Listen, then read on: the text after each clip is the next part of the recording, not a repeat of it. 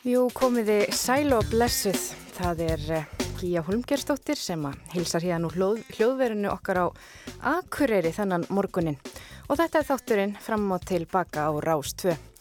Og ég er svo lukkulega að fá að hoppa hérna í skarði fyrir hann Felix og hlakka til að hafa það hugulegt með ykkur hérna fram að tíu fréttum og Jón Ólafs mun síðan taka við með sín hugulegheit hérna eftir tíu fréttinnar og þetta mun síðan bara ganga sinn vana gang hjá okkur hér á Rás 2 eins og vanalega. En eh, eins og allir vita þá eru skrítnir tímar og að miðnætti í kvöld þá skellur á samkomi bann og já, maður heyri það svona í umræðinu að margir eru kviðnir og áhyggju fullir yfir þessari óvissu. Það er alveg eðlilegt og við verðum að muna að standa saman og hjálpa hvert öðru. Takka bara einn dag í einu og já, eins og Svandi Svavastóttir sagði nú hérna í vikunni hjá Gíslamartinni að var gott ráð sem hún kom með, það er bara að muna að anda og ekki anda of grund, anda alveg niður og það tengi ég við. Og svo hérna horfið ég á bladamannafundin sem var haldin í gæri morgun. Þar var nú Þórun Sveinbjarnadóttir formaði landsambalds eldriborgara. Já, hún uh, talaði af svo mikill í visku og það var svo dásanlegt að hlusta á hana. Hún kvatti mitt fjölskyldu til að standa saman og huga sérstaklega vel að öldruðum. Þar sem mikil hætta ég er á að eldri borgararnir okkar, þeir geta einangrast í þessari stöðu og, og já, nærast ekki. Þannig að við þurfum að huga sérstaklega vel að gamla fólkin okkar og öll þurfum við að huga vel að reyfingu og nærast vel, huga vel á andlegu hliðinni. Og Þórun sagði mitt að við ættum að vakna á hverju mótni og segja við okkur sjálf þetta verður góður dagur. Þannig að kæri hlustundur þetta verður góður dagur.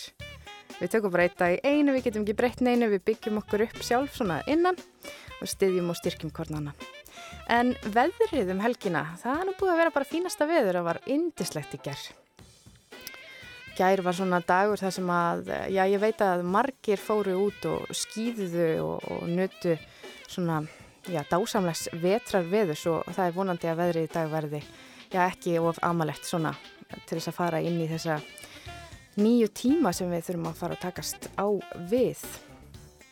En já, þessi þáttur í dag, hann verður svona nokkuð hefðbundin hjá mér uh, þennan sörundagsmorgun en það verður samt svona þá nokkuð óheðbundið snið. Fimmann verður vissulega á sínum stað en svona í stað þess að fá viðmalanda til minn í hús þá ákvað ég að, já, aðeins að gramsa svolítið í kistum rúf og ég fann þar nokkarar gamlar fimmur. Þannig að í dag þá verður fimmann, hún er samsett úr fimm mismunandi viðtölum við fimm ólíka viðmælendur sem hafa komið hingað í fimmuna til hans Felix. Þannig að já, þetta er mikið að fimmum þannig, þetta verður eitthvað skonar ofur fimma hjá okkur.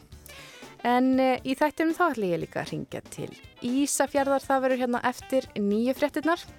Ég ætla að ringja þangað og heyra Jónum Hauki Sigur sinni sem að býra á Ísafjörðum í fjölskyldu sinni og ég ætla aðeins að fá að heyra bara hvernig staðan er á Ísafjörði og fá fréttir þaðan, heyra svona hvernig já, gengur og, og Haukur er mikill fjölskyldumadur á tvo litla stráka og við munum eftir vil heyra í þeim í bakgrunni hér á eftir nývaknaðir og, og, horfa á, ég ætla þess ekki að horfa á batnaefnið og einmitt þegar ég ringdi í haugi gær þá voru þeir að halda dansparti í, í uh, stofunni hjá sér. En já, en talandi um notalegheit þá ætlum við að heyra bara hérna næsta lag, það er hann Rækki Bjarná og Leilo.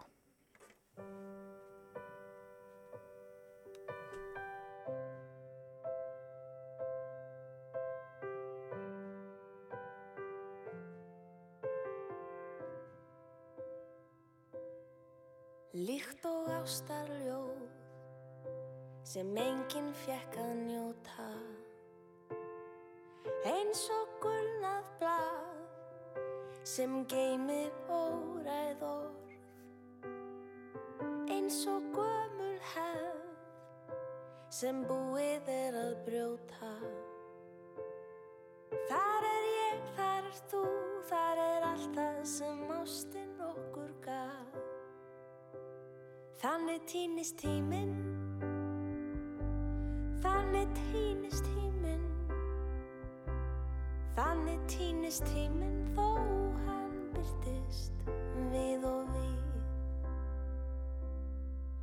Líkt og sumar ást sem aldrei náða blómstra.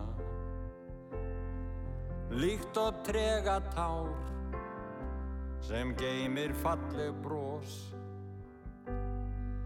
Þarn er gömul mynd sem sínir gladar stundir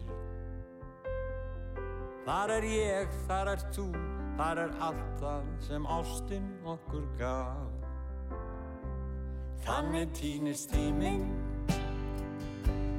Þannig týnist tíminn. Þannig týnist tíminn þó hann byrtist við og við. Þannig týnist tíminn. Þannig týnist tíminn Þannig týnist tíminn þó hann byrtist við og við. Líkt og mynd sem bjó í vonarlandi þínu.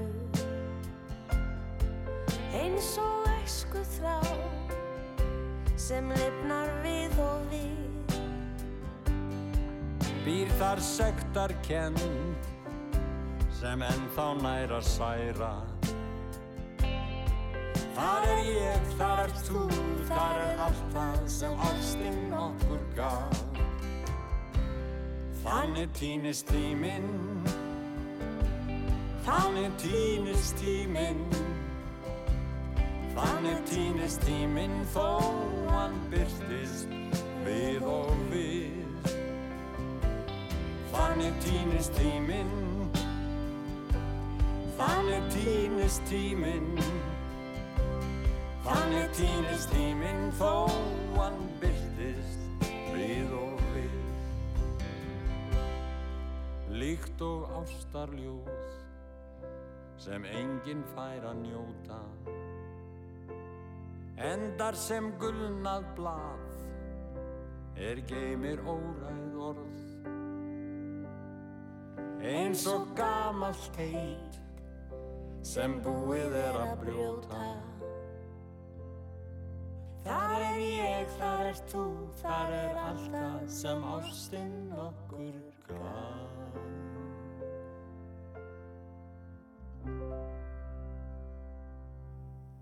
Já, þetta voru þetta Raggi Bjarná og Leiló með þetta indislega lag sem gefur manni svo gott í hjartað, lag Bjartmar Skuðlökssonar.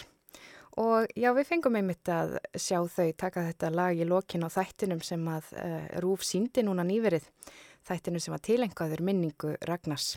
Þar var farið yfir tónlistarferil hans og rætt við vini og samfélagfólk og í þessum þætti þá sást einmitt myndband af því þegar að Ragnar Bjarnason kemur í heimsokk til Bjartmars Guðlökssonar og já, mér minnir að það hafi verið að taka viðtal við Bjartmar. Og Raki kemur hann inn og hann er að ná í þetta lag. Þannig týnist tímin og er semst að fara að hlusta á það og æfa það. Og það er þetta ótrúlegt að svona sko andartak eða stund hafi náðst á myndband. Alveg ótrúlegt. Og þetta eru þetta ennþá hægt að nálgast inn á spilara rúf, þátturinn heitir við bjóðum góðanótt og það eru þetta líka fullt af öðru efni sem hægt er að nálgast inn á spilara rúf og já núna svona á þeim tímum þar sem að já, maður hefur kannski nóg af tíma til þess að horfa þá er þar mikið af góðu efni sem hægt er að, að, að stýtta sér stundir með. En við skulum halda áfram, það er fimmann hérna rétt handa við hotnið en við skulum heyra fyrst í björnustu voninni á, frá Íslensku tónlistavellununum. Það er hljómsveitin Hipsum Haps með lægið Blake Ski.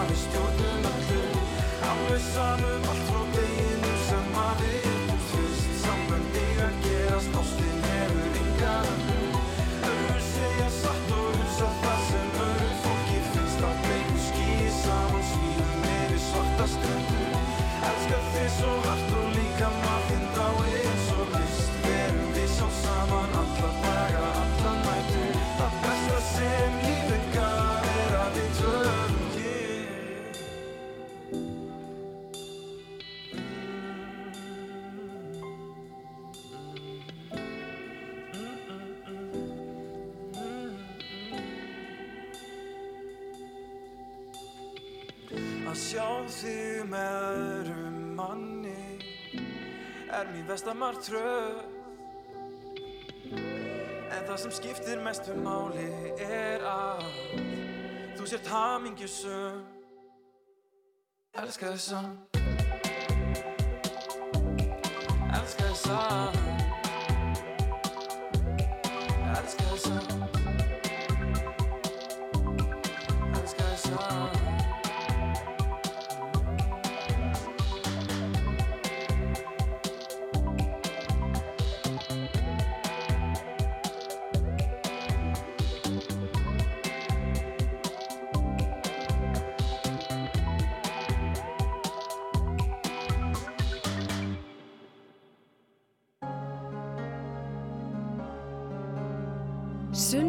Sunnudagssæla á Rástfö, fram og tilbaka.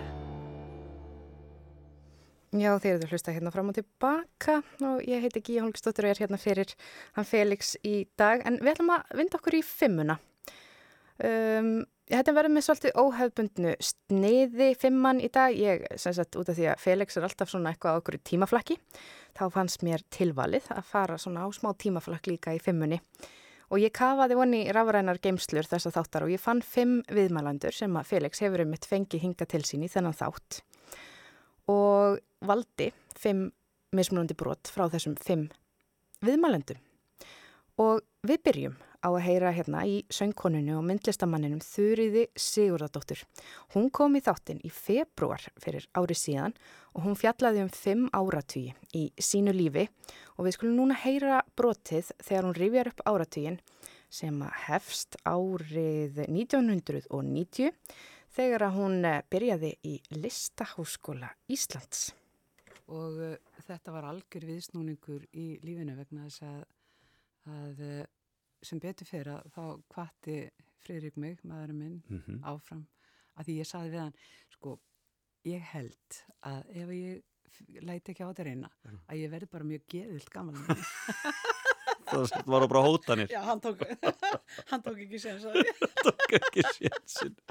Einmitt. já. En allavega, hann, hann hefur alltaf kvart mig með ráðum og dáð og, og ég sækjum en var hafnað í fyrstunni en, en fór svo inn sem betur fyrir því einn nefnandi hafði, hafði dottið út Ok, og, eh, en mér var hafnað út af aldri það var þannig. já og, eh, og það auðvitað, þú veist, ég þykist alveg að hafa skilning á því af því að það er mjög það er sjaldgeft að, að fólk uh, haldi áfram eftir listnám þegar það hefst svona seint Já. að það gerir það atvinnu Já. En ég afsannaði þá kenningu Mhm. því að ég uh, er búin að vera atvinnmanniski síðan í laugnámi Já.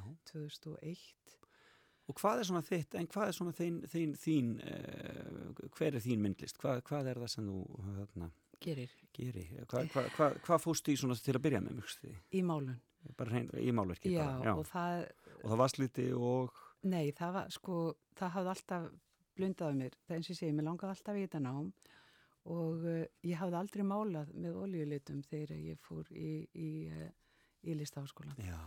en, en málað með akrílófaslitum og, og ég hafði alltaf teiknað en svo hætti ég þessu bara þegar að strákarnir mínur voru allast upp að því að, að ég er svo mikill sveimhugi og Mhm. ég bara gleymi mér og ég bara tók ekki séns á því Það var bara svoleiðis. Já, og hérna Bara gleyma börnunum. Já, nákvæmlega, það var alveg eftir mér sko. og það var martröðin sem ég fekk þegar ég gekk með Sigur Eldrisson minn að, að ég var stöðnir í álögavíðinum, ég hafði farið inn í búð og hérna verið með badnavagn og svo var ég komin heim upp í Breiðholt og hafði glemt badnavagninu nýra lögavíðin og þetta var Já. martröð sem ég upplifði á meðan ég gekk með hana því ég þekki sjálf mig svo lesa að ég tók mér takk. Var þetta ekki bara fyrir því að hann færi í Sæðlabankan? Allir það ekki? Já, það var ekki verið fyrir það. Já, ég glemt honum nýra miðbæ. Já, hann var bara endað í Sæðlabankan. Nákvæmlega. Gekk, gekk þar í björg. Já, akkurat, já, bara rúlaði vagninum þarna niður, Já. fangastræti og, En svona kannski útskýra það að hann sem sér um, um, um, um sapna málinn fyrir Sæðlabankan, er- Og, var, vakti heilmikla aðtegli núna á, á menningarnótt þegar hann var að sína fólki myndindan hans Gunnlaug Skeving. algjörlega og hérna, og svo sem í samvinnu við aðra, en hann, hann svona, það maður segja það að hann hafi vakið aðtikla á safni uh, Sælabankans þegar hann hóf þar störf, þannig að, að uh, hann er búin að vera þarna í eitthvað fjögur ár Já, frábært. og uh, er á réttum stað, en Já. allavega En þú glemdir honum ekki. Ég glemd honum ekki Nei. og, og, og hvorum, en allavega Hvað heitir hinn strákurinn? Hann heitir Erling Valur Já. og er fættur 80 Einmitt.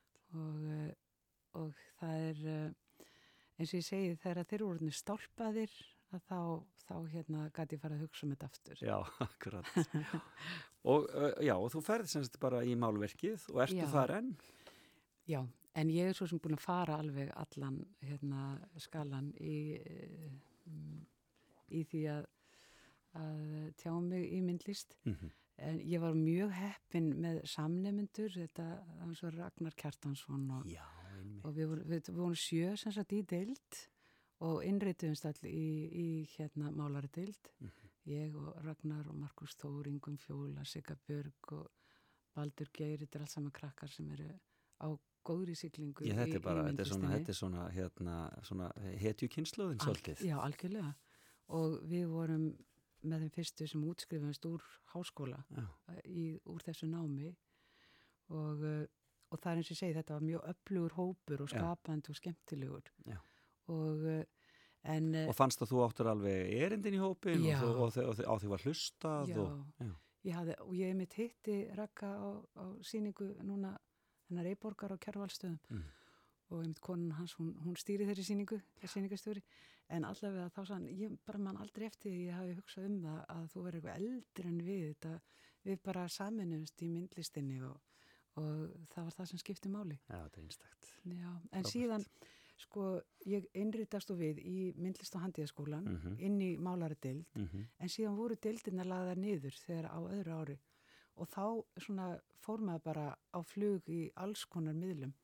Og þegar ég var með enga síningu í listasafni ASI um, 2000 og æ, manna, nýjöldi allavega. Að þá hérna þá síndi ég alls konar, ég var með hljóðverk og, og ég var með tvö myndbönd og, og ég var með málverk og ég meiri segja söng uh, tónleika á, á þessari síningu þar sem ég svona saminnaði myndlistana og, og tónlistana í fyrsta skipti. Og, uh, og það var það var mjög skemmtilegt og þá Þannig að söngurum var aldrei langt undan þráttir að, þráttir að þú færir einbyttið annari listgrein. Nei, og, en þetta var í fyrsta skipti e, sem að ég blandaði þessu saman, ég var alltaf svolítið hrætt við það Mm -hmm. og, og hérna, en allavega þá, þá fann ég það hvað, hvað, hérna, hvað þetta átti vel saman og, og mér fannst líka gott að hitta tónlistamennina og fólkið sem að vil hlusta af því að það er náttúrulega það er mjög einangrandi starf að vera myndlistamæður. Maður er einn á vinnistofunni alla daga og, og ég segi það ekki að, að myndlistamenn og tónlistamenn eru svolítið ólíkir að myndlistamenn eru við svona miklu lokara fólk, Mhm, þeir eru ekki mhm. svona opnir og umfamandi eins og eins og, eins og hérna, geta eins og tónlistamenn þó svo að séu undatekningar þar á en, en allavega þá fann ég fyrir því að, að hvað þetta var svona ákveðin léttir þetta var rosalega gott Já, þarna spjallaði Felix við hana Þuriði Sigurðardóttur um áratíðin þegar hún hóf nám í myndlist við listháskólan. Þetta er svona góð áminning um að láta drauma sína rætast og feta bara sína leið.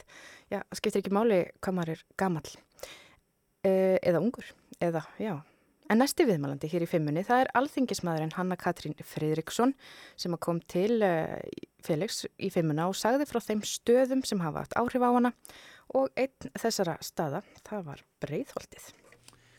Uh, af hverju breiðholti? Það, er, það, er, það lítur að vera bara það sem þú ólst upp þá eða hvað? Jú, 8. og 9. áratögnum? Ég ólst upp í neðra brjáldi, þannig er að, En fæðist þú fæðist ekki á Íslandi eða hvað? nei, nei, ég, sem sagt, pappi minn var danskur Já, og mamma íslensk og, og það tengist nú eitt staðurinn minn tengist nú uppruna pappa. Um, síðan eftir að þau hefðu sest á Íslandi þá fara þau nokkur ár út til Parísar, Já, þar sem pappi var að vinna og þar fæðist ég. Já, já, já. Svo komum við heim aftur, fjölskyldan og þau fara að byggja. Þau voru meðal þeirra sem hengu útlut á lóði. Akkurát. og hérna nokkur ár var pappi bara með byggingatól beltu um, um miðan og fór eftir hverju dag eftir skrifstofinina upp í Já, breiðalt og byggði og við fórum með stræt og eftir með nesti fyrir hann. Já, og svo flytjum við þetta inn haust, nei voru 1970 já, og erum bara meðal þeirra fyrstu í þessar ágætu gott. í þeirra ágæti götu og það, og það hafi verið grunnarnir og, og, og, og Þetta var dásamlegt. Það var sko enga gerðingar og enga viðvaranir og engin, engin bóð og bönn. Þetta var dásamlegir staðir og það týndust börn þarna í lengur og skemmri tíma sem átt að vera að passa inn í einhverjum herbyggjum og, og lendi sjálfheldu og guð veit hvað sko. Já, Þetta var algjör að, þetta voru stórkoslegi tímar. já, Vegna þess að við vorum neðst í stekkjakvarðinni brjóðaldi. Þannig að við vorum eiginlega með hverfið í byggingu, svona austan með við okkur einmitt. og svo ellárdalinn hinum Já, megin. já, það var bara Já. Indiana Cowboy leikir og bara og- og- Algjörlega, Jésús minn. og, og, og mömmuleikir og allt, allt þar Það bara var, ba dalnum var bara allir pakkin og svo Já. voru við náttúrulega barnaskarin, ég og yngri bróður og, og mörg okkar áttum yngri sískinni og þau voru svona fylgifiskar, var bara eins og það er. Já, já. Og við máttum alls ekki fara með þau neyri dal, neyri ellegadal, af því það var enga brýr yfir ellegadnar á þeim tíma. Mhm. Og auðvitað fóru við með þau og þau voru bara svar, sko þau, þau, þau urðu að þeia, annars fengið aldrei komið aftur og þetta var Sverja. alltaf mest spennandi, spennandi upplifis og hættur að hugsa sér og við stukkum yfir á steinum. Já, yfir það. Já, og auðvitað mistóst það stundum og, og þau blotnuðu. En þá vorum við svo heppina á leiðinni aftur upp í hverfi, þá var svona hitavitustokkur sem voru ofanjarðar, Já, já. ofbáslega mikið einangraður og tveimur þreimur götu var búið að skera niður í einangrunina, þannig að það var bara brennandi heitt játnið. Já. Þar þurrkuðu við föttin áður en við fórum heim með ungana. Já, hérna var- hér, já, það var ímsa æfintýrin og þau voru búin að læra að, eiga við allar þessar aðstæður Við björguðum okkur þarna. og þarna hefur orðið til, vins, hefur orðið til vinskapur sem hefur ennst síðan Já, já, virkilega. Ég, sko þetta hverfi, þetta var svo gríðalega barna. Breiðaskóli var margsettin, hann var ekki tvísettin, hann var margsettin. Einmitt. og síðan var að meira segja þannig að hann hefði ekki pláss fyrir elsta árgangin honum var yfirleitt svona dreift á hlut stundum fór hann eldri bróðum minn fór til dæmis nýri ármóla Já, ég fór upp í Hólabröksskóla og þegar ég klára grunnskólan, síðasta bekkurinn í, í, í grunnskóla var í Hólabröksskóla það var allt breiðaldið þar, vorum tólf bekkir í árganginum. Þannig að sko þessi, þessi árgangur í breiðaldi, maður þekkir hann þetta var algjörlega magna. Það, Svo- er bara, það er bara 150, Já. 150 180 Komum- manns eitthvað nákvæmlega, og það voru krakkar á breiðaskóla, fellaskóla og seljaskóla og svo Hólabröksskóla Hólubröksskóla sem fekk þessa innrás yfir sig, sko, hólskeplu. Af því að þarna var verið að byggja við alla skólana og svo komu árgangunir eftir sem fengu að klára heim hjá sér. Svo var ég náttúrulega full í að spila handbólta með ír og fótbólta með leikni og Já. þannig að þetta eru vináttu bönd sem að virkilega halda. Gætur þú hugsaðar að búa í breiðoltinu? Það er svolítið merkilegt að ég var allaveg ekki þegar við vorum að uh, flytja heim aftur og, og leita á okkur, þá var það ekkit endilega ofalega á blaði. Nei. En þar spila náttúrulega líka inn í Ragnhildur og Vesturbænum Já, og í hennar fjölskyldu fara menn ekki austu fyrir læk sko. fyllist óryggi að fyrir. Svolítið svoleiðis. Það er einn sýstirinn sem að fekk svona leifi til þess að búa austar en það er að því þau eru hestafólk sko og það var svona skilningur á þjæri ákverðin. Já, Þannig að við komum okkur fyrir svona miðsvæðis en við höfum reyndar undanfærin 12 ár búið sko austast í fósfói. já, já. Þannig að ég var á meðan fóreldra mínu voru á líf og byggu þarna en þá, þá var ég ekki nema sko tvær myndur hjóla til þeirra. Já, Þannig að það var frábært. nálagt öllum. Já. Já, þetta var hún eh, Hanna Katrín Friðriksson, þingmaði viðreisnar sem kom til Felix í sumar í, að vera í kringum hinsegindaga á þeim tíma og hún sagði frá fimm stöðum og hún byrjaði þannig á æsku árunum í Breiðholti. Mjög mikil ævintýri greinilega þar í gangi. Og talandi um ævintýri þá er hérna þriðji viðmælandi fimmunar í dag. Það er leikaring Björgvin Frans Gíslason sem að kom til Felix í fimmuna á Þorláksmessu 2018. Þá var Elli síningin ennþá alveg í fullum gangi og hann rifjaði upp fimm eftirminnileg gerfi sem hafa fyllt honum í gegnum tíðina. Og hér er saga af einu þeirra. Ég byrja á uppáldinu mínu Já. sem er hérna, sem er tannlækna hárkollan hérna, sem sett, litla hryllinsbúðin Já. Já, ég sem sett, þegar, það var þegar það var frumsýnd Já. hvað var 86, þá voru ég og Vigdís Hrefna Pálsdóttir leikona Já. og æsku vinkona við vorum náttúrulega hérna pappi hennar Páll Baldurinn leikstýri Já. og við náttúrulega vorum alltaf þarna svo grái kettir í kringum og pappi leik músni Já, upprunnulega. Upprunalegu útgáfunni í gamla bíó. Já, einmitt. og þú veist, þetta var, þetta var svolítið, svolítið merkilt og stórt, þú veist, þetta leia plöntu og fá sérstaklegan e, brúðu reyfara, skilur. Samlega ógleymaleg síning. Hún sko. var nefnilega. það var, þó ég sé hlutræðu, þá bara, það var eitthvað algjört magic í henn og hérna, þú veist, þetta var lítill leikópur, hérna, Edda Heirum Backmann heitin var náttúrulega auður Já.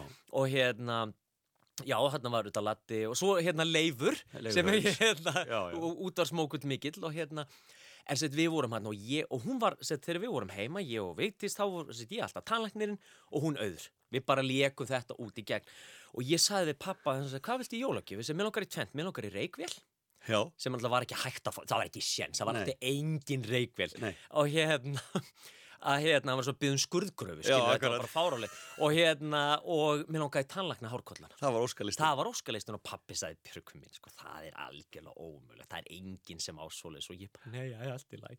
Og svo bara, þú veist, og, og hérna líður og býður og, og ég vissi að Ragnar Fossberg hún hefði gert hárkolluna, tannlækna hárkolluna hann var Einmitt. sérstakur leðu ekki og leðu ekki við mig keðjum, sko, ég er algjör þráhyggju sjúklingur ótrúlega en satt, þá, hérna, þá er ég fæði þráhyggjur og gerfi og smáatriði og ég átti leðu ekki og búin að setja keðja á hann og allt en átti aldrei kolluna síðan bara koma jólinn og, og það er bara hver pakkin bara, hann bara fætur öðrum, hann bara svona, maður sér bara já, já, pakkarnir búnir. Það mingar og mingar. það mingur og mingur og það er engir og ég bara, já, ok, ég fekk ekki talengna hórkollana svo bara allt innu segir pappi heyrðu, byttu nú við heyrðu, er auka pakki hérna? Svo bara tekur hann upp svona pakki ég gleymis, aldrei, ég fæ ennþá gæsa á það tekur upp og byrjar, bam, bam, bam. Þú verður tannlæknir og algjöts og rýfur utan og þar er tannlækna hórkollana Hann tók hann mér sér upp fyrir þig. allir, allir í sinni dýrð. Já. heyrðu, nei þetta var ekki bara eitthvað tannlæknarkolla hún var sérnýtt af Rögnu Fossberg. M- marg verðlunu gerfa hennuði rúf. Já. og bara, og þarna er hún bara á standi mín eigin tannlækna hárkolla og ég bara, ég, þú veist, ég fæ ennþá bara svona gæsuð eftir öllum líkamann Já. þetta var magnasta jólagjöf sem ég fengi og voru þar alltaf flotta Akkurat, þannig að þetta hafði skemmtilegt. rosalega árið og mér var svolítið gaman að að hún hérna, Vigdís Hrefna fekk svo að leika hlutverki fyrir norðan Akkurat. sem er svo gaman Einmitt, já. En þú hefur aldrei leikið í Aldrei leikið tannlækni, nei, nei, nei. En aldrei leikið í hryllingsbúðinni heldur? aldrei leikið hildisbúðinni, nei, nei, nei, nei. Þá áttu það eftir. já það eftir, já en, og kollan er þá til? og einhver stað, pappi notaði hana oft sko í, í tengslu við, þú veist, þegar þau voru hvort hún no, notuð í, í heilsubælinu eða eitthvað sko, Ókei. að þetta var svo vöndu koll, þetta var alvöru koll Já, en þú átt hana. Á. Þetta er jólakifið þetta var jólugjöfum mín þetta var Þú ert sem spyrjað sem barn að bara að, lifa og hrærast í þessum heimi og Algjörlega. meðan aðri voru út í fótbolta þá ert þú bara þá er ég klæðið í kjóla. Já, og, og, og, og, gerfi alls og, konar. já, já, og mikið, mér er mjög gaman er svo gaman að leika konur. Já, Elska það. Ég, var, ég man nú eftir stundinu okkar einhverjum hvern karakterum. já, já, já, já, já, já, sko með Björgun Frans skilurðu. já, já, já, það voru til með skuttavísur. Var ég það, það var gutti og svo líki mömmuna líka. Algjörlega. Einmitt. Algjör snilt Krökkunum í kringum þig þegar í, þess, þegar ég var í, í, þessum, í þessum ham og að, að, að, að uh, höfðu, höfðu flestir ekki bara svolítið gaman þessu? sko, það er nefnilega það sem ég er svo magna, ég lítið tilbaka það var enginn sem að ekki bara sett út á þetta, heldur bara tóku þátt. Nei, þið veist þetta algjörlega sjálfsagt Þetta er bara eins og Þetta er bara eins og, sko, náttúrulega heimi hjá mér var náttúrulega allt, sko Það er svo gaman, við vorum að við týndum saman, þetta er eitthvað sem að fólk ætlar alltaf að gera og gerir aldrei Já. sko, við eignumst videokameru 88 Já. og það bara söpnuð spólur og spólur þetta voru þetta 40 eitthvað spólur, þú veist það bara ég lítill og eitthvað konar. heyrðu, þeim var sapnað saman, það búið að yfirfara þetta allt og þetta komið inn á skí og við erum búin að vera að horfa á þetta og hlæja og þannig er ég og Svala Björgvins með hárkollur að leika og þannig er ég og heimilið okkar og svo gaman að koma inn á heimilið Já. þú veist að því í gamla þetta, þetta er ekki bara fólk tekur ekki bara upp síman, smástundi eða gleymir því er það var, tekin upp og svo var hann bara látin rulla Já, bara í 30 myndur Einmitt. Þannig, en, en það þýðir, það, sko, það er svo gaman, maður er að fara inn, maður er upp, þetta er eins og að fara í virtual reality aftur í tíma. Þannig að heima hjá mér var, ekki, mikið um gerfi. Og, og þú veist, það voru hárkollur og grímur og alls konar. Og það var, þannig að þú veist, þegar krakkar kom heim tími það voru bara vön því að þetta var bara veruleikin eins og, eins og Birta vinkona mín sem, sem að hérna, það var svona freka svona kannski döl heima þeim og svo hún er búin að vera hjá mér og, og svo kemur hún heim og, er svo, hún er svo, hún svo, hún er svo vonsvíkin og segir að allt fyndið heima hjá Eddu og Gísla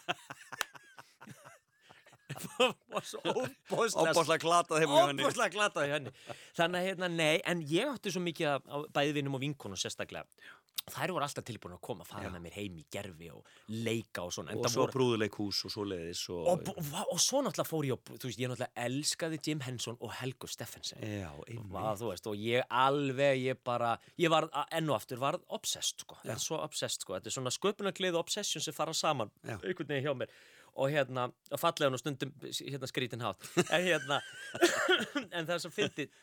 Og ég er náttúrulega hafði samband við Helgu Steffensen og sagði, ég er hérna veist, ég er hérna að gera brúður og má ég kannski koma og, heyrðu, hún var svo aðeinslega, hún bara ekkert mál, hleyfti mig með hérna, með forljótu brúðunar sem voru alltaf svona tjálfur svona lítið tjastlaða saman. Já, já. en allar gerða fyrir hjartanu. Akkurat. og, alveg af mér, mér langaði svo. Og þetta er ennþá eitthvað stað til. Þannig að ég fekk að koma með apan minn og, Já, og ég sé þetta, ég sé þetta. Já, við, vorum, við fórum í gegnum þetta allt saman þegar við vorum að gera hérna 50 ára amæli. Já, þetta var svo skemmtilegt að sjá og ég, og ég með er túrætti já, já, já, er alltaf, alltaf blikkandi með brúður en ekkert, og ég var svo, ég var líka en svo ég svo, svo svo kröfarið, ég sagði, heyrðu, ég er hérna stjórnabrúð, ég verð að hafa mónitor ha, já, Jim Henson, þeir voru alltaf með mónitor, þeir Monitor. sjá alltaf þeir svona, skjá, það er svona sérð og svona alltaf kunni ekki dáða, þannig að ég var alltaf að hreyfa mig öfugt, veist, þetta var allt í steik en, en ekkert mál, það var allt látið eftir þessu litla dreng, En mér finnst það svo fallegt, já.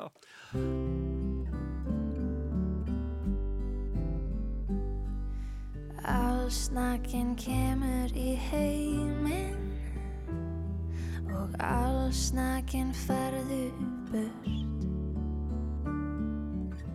frá þessum dauðu hlutum sem þér fannst þú hafa dreigð á þurrt.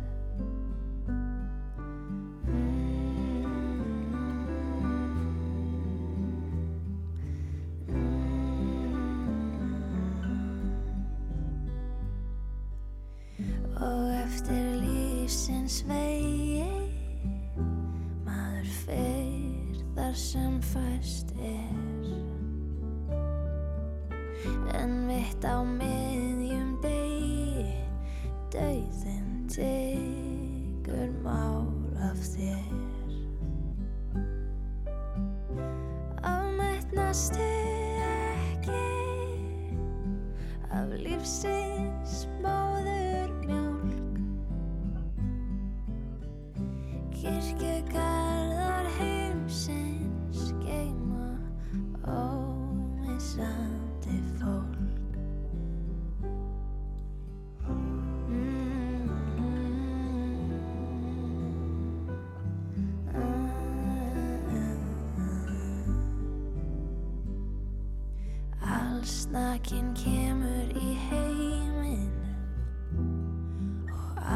allsnakin ferðu burt.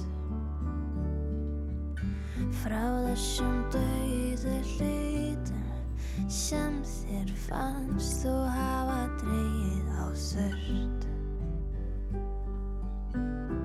Og vegna- megnastu ekki af lífsins móður mjólk Kirkjugarðar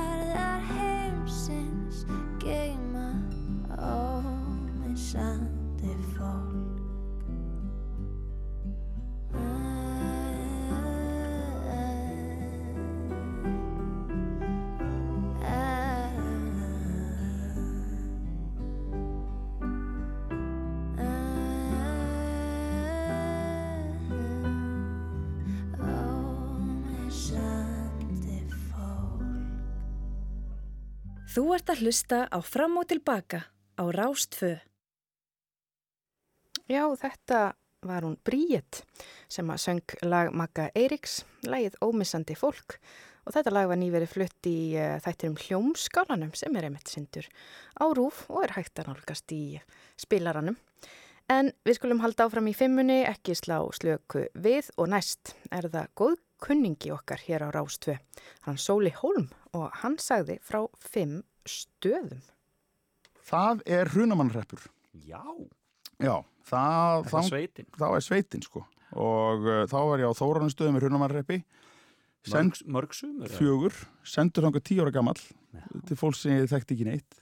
Og uh, af bara að eigin ósk, ég bara mér vildi komast í sveit. Og, og þar náttúrulega sko, Sko að því ég er ekkit mikill sko verkmaður, ég næja, en þarna lærði ég að tala upp í mig verkmannin, skilur þú, að, að, að því að maður lærir allt, allt uh, tungutak fyrir sveitina, varandi söðburð og, og, og, og eh, bara, varandi fjör, bara, bara fjárrækt sko og, og, söð, og hérna, bú, hérna beljur og allt þetta bara og þú veist þannig að maður er með, með hérna, kann allt, allt tungutæki í þessu og maður getur slegið um sig sko.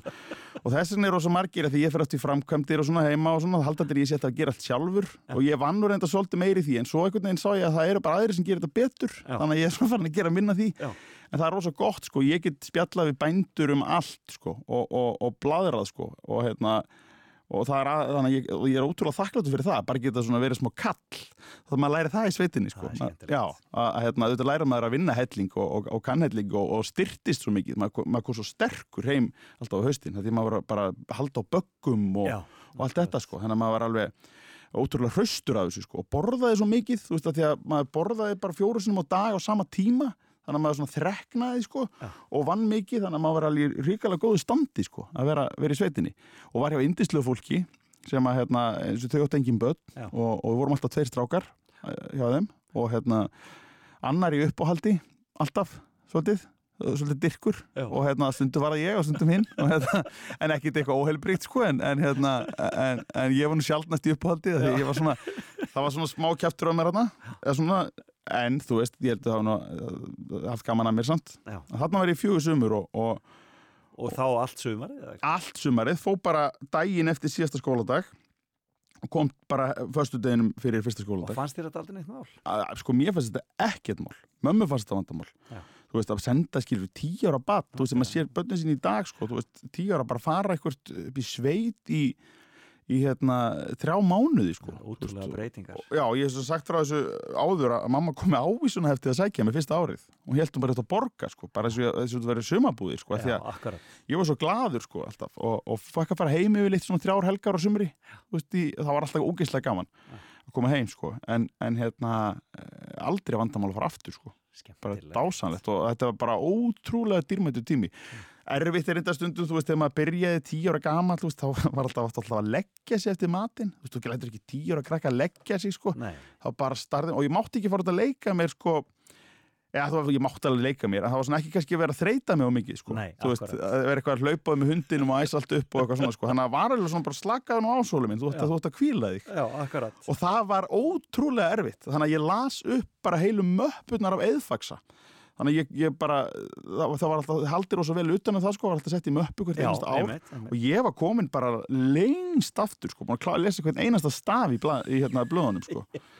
Bara því ég get ekki lagt mig sko. Og ég komst aldrei, en þó ég væri til sko fram með fermingu, þá náði ég aldrei að leggja mig á daginn. Og ég hef aldrei, aldrei mér finnst það er sko verra en að sofa út sko að leggja sig á það alveg skelvileg tilhugsun sko Já, hérna hér, það er skemmtilegt. Já, en að Hrunumannreppurinn er, er staður sem að, sem að uh, hafði mjög góð mótandi áhrif á mig. Hvað heitir þessi bær? Þórarinn staðir. Já, þetta var þetta Sóli Hólm þannig að segja frá uh, veru sinni á Þórinastöðum í Hrunamannarhefnum og já, hann var nú bara nýlega hjá honum Felix og já, ég tengdi bara svo stert við allan hennan lestur hans á eðfaksa.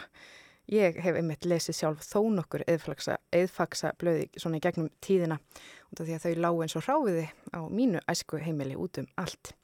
En næst í hérna í ofur fimmun okkar þá skulum við heyra í konu sem hefur verið mjög svo ábyrjandi að undaförnu og núna fyrstu daginn þá tók hún sögulega ákvörðun. Þetta er þetta heilbyrðisráðherran okkar, Svandís Svavarsdóttir og hún kom hérna til Felix uh, og sagði frá fimm húsum sem hafði haft áhrif á hana. Já, þriðja húsið, e, þar hugsaði ég mig svolítið lengi um og, og endaði á Átnagarði. Já. Sem er ein af háskólabyggingunum og, og þar var ég lengst og, og þegar ég var í háskólanum mm -hmm. og var að lesa þar bæði almenn málvísindi og íslensku og síðan e, íslenska málfræði. Og þar e, kynntist ég tákmálunu fyrst í, í litlu námskeiði sem var um málfræði íslenska tákmálsins mm -hmm. og eh, átnagarður stóð mér svo næri að ég var farin að uh, eiga inniskó sem ég notaði þar og, og ég held að maður þurfa að fara að hugsa sem gang þegar maður á inniskó í einhverju háskólabyggingu en, en þarna var ég í mörg ár og, og kynntist, egnaðist margt af mínu bestu vinum og, og lærði að hugsa eins og maður lærir í námi, maður hugsa, uh, maður lærir að reyna að búa til munstur úr óreiðu mm -hmm. af því að lífið er óreiða mm -hmm. alveg sama hvort að það er samfélagið eða tungumálið eða, eða náttúran og, og koma einhverju svona einhverju skikk á óreiðuna var, er svolítið það sem maður lærir. Og, og þannig að það var það sem við vorum að byssa við þarna í gegnum almenn málvísindi það sem maður er að horfa á málsöguna, kannski jáfnvel alveg aftur í indoeuróska sambjörðamálfræði mm -hmm og svo í gegnum uh, Norrænu og Íslandst málafornu og, og svo þetta nútímamál og málískur og félagslega málísindi, hvernig fólk talar mismunandi eftir stjættum og stöðu, sálfræðilega málísindi, hvernig fólk lærir, hvernig ball lærir mál, já, hvernig fólk sem að fær heilablaðingu missir mál. Um, já, eiginlega bara allt um tungumálið sem að er, mér finnst ennþá alveg stórkostlega spennandi en svo misti ég algjörlega fótana þegar ég kynntist tákmálunu að því að ég, það var bara ástu fyrstu sín. Já, en ætlaður er alltaf að verða kennari eða hvað, var það svona nei, sem það stendur á? Eða? Nei, ég, ég hef... Eða ætlaður að verða vísindamæður? Nei, bara, það er það sem er kannski minn veikleiki, ég hef aldrei ætlað mér nokkur skapaðan hlut, nei, heldur okay. hef yfirleitt bara verið í því að að fara algjörlega á kafi það sem ég er að gera og, og hérna, hef ekki verið mikið í plönum og, og það er kannski þessuna sem ég stönd það sem ég er. Ég held að ef ég hefði einhvern veginn ætlað mér að vera stjórnmálumæður í talningum uh, heilbyrðisað þá hef ég sennilega ekki farið að læra almenn málvísindi. Nei, akkurat. En, en hins vegar er grunnurinn frábær og en þegar ég kynnist tákmálunu þá sé ég allt í einu, þetta var pínulítið námskeið sem var bara eiginlega svona og seminar. Svo það er tilvílun í rauninni líka Það er tilvílun og, og þá átta ég mig á því eftir að hafa farið í gegnum mismunandi uh, kenningar um tungumál mm -hmm. og, og hvernig maður lærir tungumál og hvernig maður glemir þeim og hvernig þau þróast og allt þetta hér að þarna var mál sem var beint fyrir fram að nefið á okkur, íslenska tákmáli sem var uh, fullkomið mál sem er hægt að segja allt á uh, það er hægt að tala um heimsbyggi og það er hægt að tala um stjórnmál og það er hægt að segja frá draumum sínum og vonbreyðum og það er hægt að vera listrætt, það er hægt að, að yrkja og, og það er hægt að já, segja sögu sína og allt mögulegt og, og það hefur e, á að skipa mjög flókinni málfræði sem á ekkert skilt við íslenska málfræði. Og, og þarna fannst mér ég bara þurfa að æða inn í þetta algjörlega fullum krafti og það eiginlega markaði upphafið að næsta kabla í mínu lífi sem að var vinnan mín á samskiptamistu hernalösra og hernaskertra það sem ég vann í uh, 14 ár 12-14 ár við rannsóknir og kennslu og síðan við það byggja upp nám í tákmálsfræði við Háskóla Íslands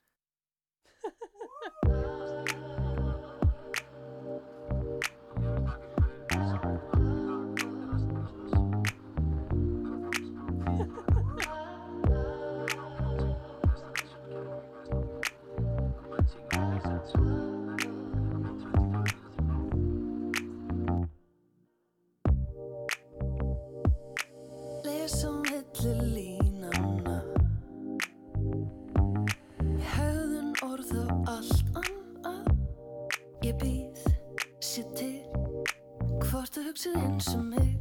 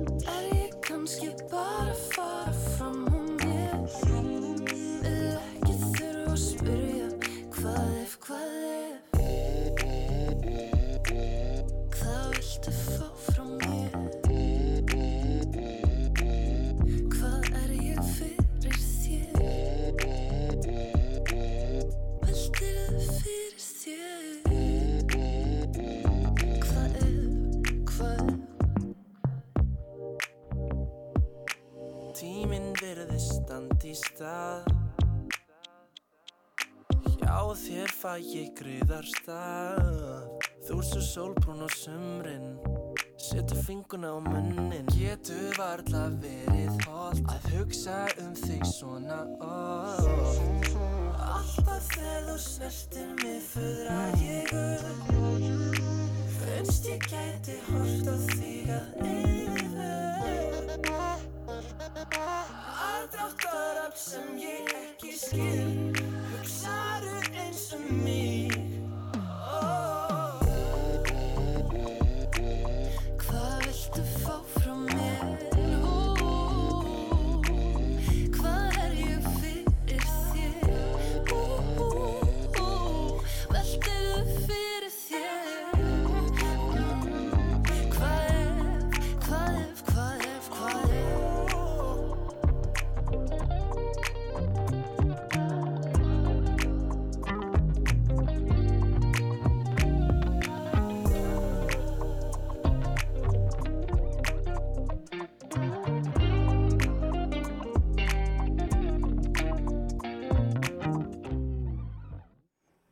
þetta var yndislegt lag, uh, lagið Hvað ef með söngkonunni GTRN á samt auði.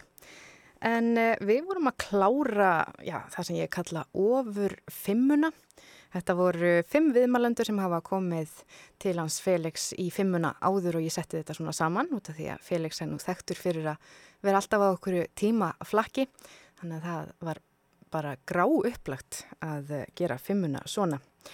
Og við heyrðum þarna síðast í henni Svandísi Svavarsdóttur og hún var að segja okkur frá veru sinni í Árnagarði á námsóranum. Og já, ég var að horfa þarna á Gíslamartin um daginn, þarna á förstagskvöldið og, og þar var hún að kenna okkur til dæmis að uh, klappa, eða segja hæ, já, klappa á takmáli sem var svo indislega fallegt og ég mæli með allir. Já, þetta er svona leið, það er núna allir að finna einhverja leiðir til þess að heilsa og klappa og já, gera hluti sem að já, svona er ekki hægt að gera núna á næstunni þegar að snerting verðum að minka það. Þannig að, já, ég mæli með að kynna sér svona leiðir. Já, hún kendi líka að heilsa eh, sem var svona að setja hendurnar eins og Ólafur Ragnar, en bara setja þær aðeins framar. Já, Gísli Marteit var svona eins og Ólafur Ragnar en hérna, en Svandís eh, gerði þetta mjög vill og það er hægt að sjá þetta allt í mitt á, á, á spilarum okkar á rúf. En uh, það er nú barast að koma að já, auglýsingum og fréttum hér innan skams. En uh, eftir nýju fréttinar þá ætlum við að uh, ringja vestur. Við ætlum sér sett að heyra í honum Hauki Sigursinni.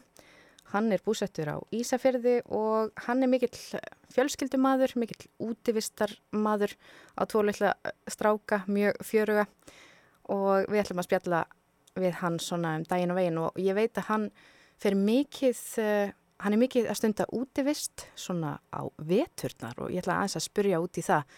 Hann til dæmis já, hefur farið með hópa í svona tjaldferðir, vetrarferðir. Þannig að það er forvetnilegt að fá að vita nánar um það. Hann getur sagt okkur svolítið af því. En ég er að spá í að, að bara spila fyrir ykkur hérna eitt lag, svona áður en að við dettum í auglýsingar og fréttir og við ætlum bara að fara hérna í þetta núna. Rástfö, fyrst og fremst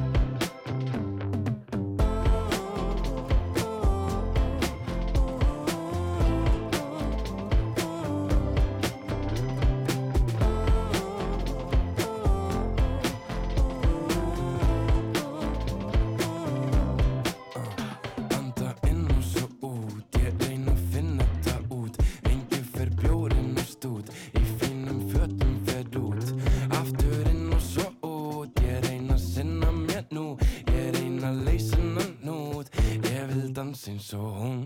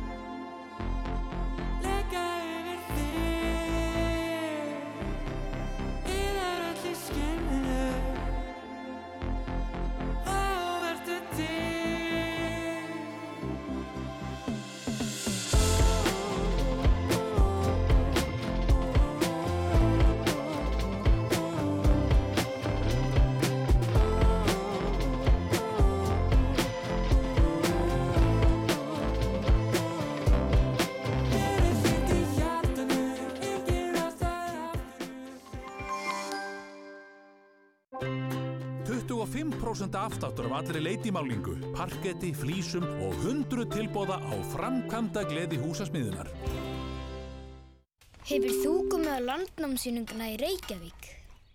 20 til 40% afsláttur af öllum sófum og sveppsófum. Rúmfattalagarinn, aðeins ódýrari.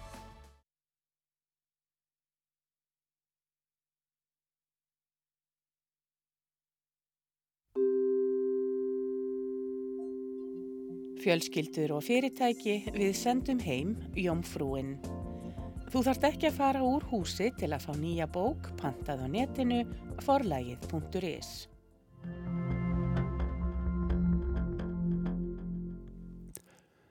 Fréttastóar úf, klukkan er nýju, Kristján Sigur Jónsson segi fréttir. 161 COVID-19 smitt hafa nú greinst hér á landi. Fimm ný tilfelli bættist við í gerkvöld. Þetta kemur fram á Facebook síðu Almanna Varnadeilda Ríkislauruglustjóra.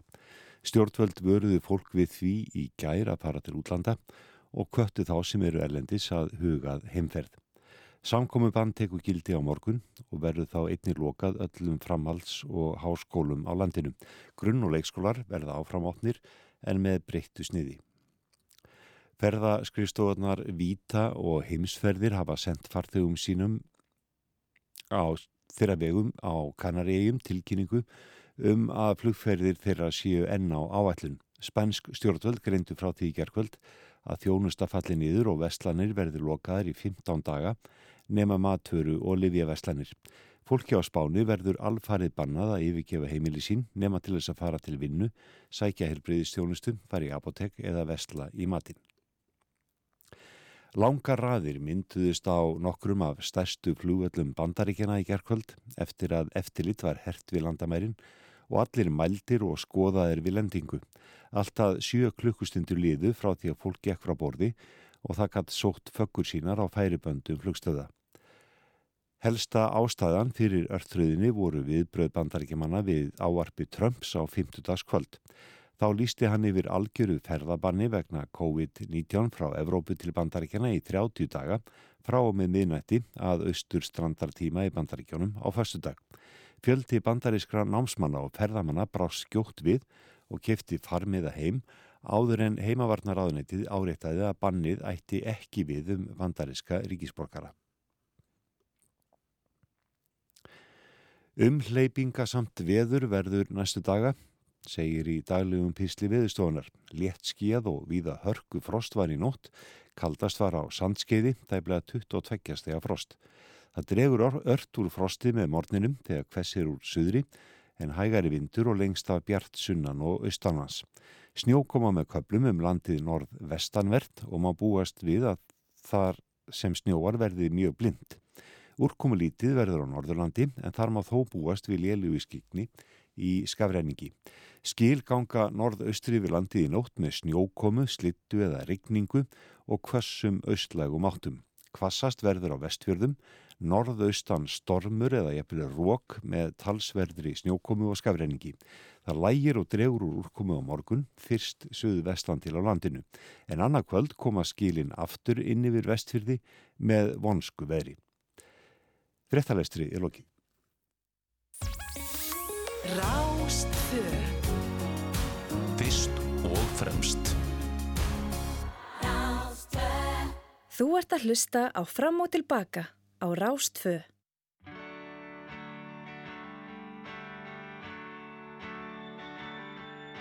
Sitja þau saman í ró Samband sem liði og dó. Nú vonin er horfin á braut. Og hvers dagur orðin er þraut. Ég horfi í augun þín grá. Þau þekki ekki það sem þau sjá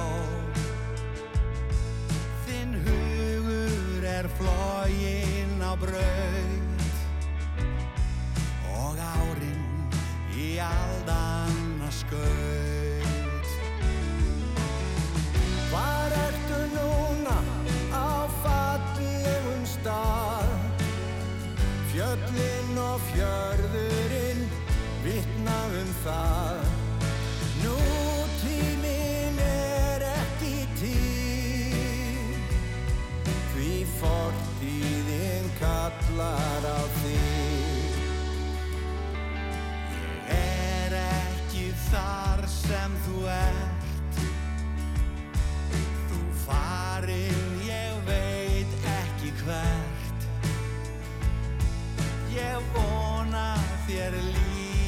samt vel.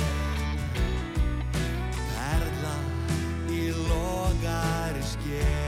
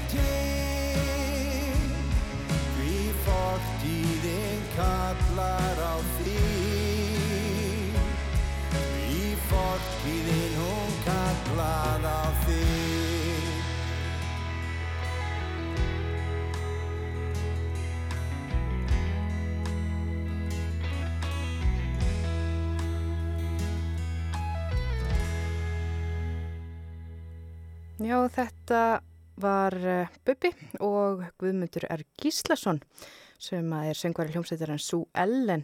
Þeir voru að syngja hérna lagið Perla, er fallegur duett hjá þeim.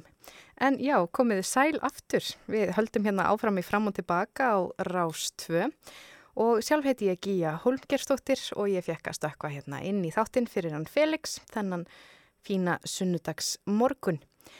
En uh, fyrir klukkan nýju uh, þá fórum við í gegnum fimmuna sem var með örlítið óheðbundnu sniði.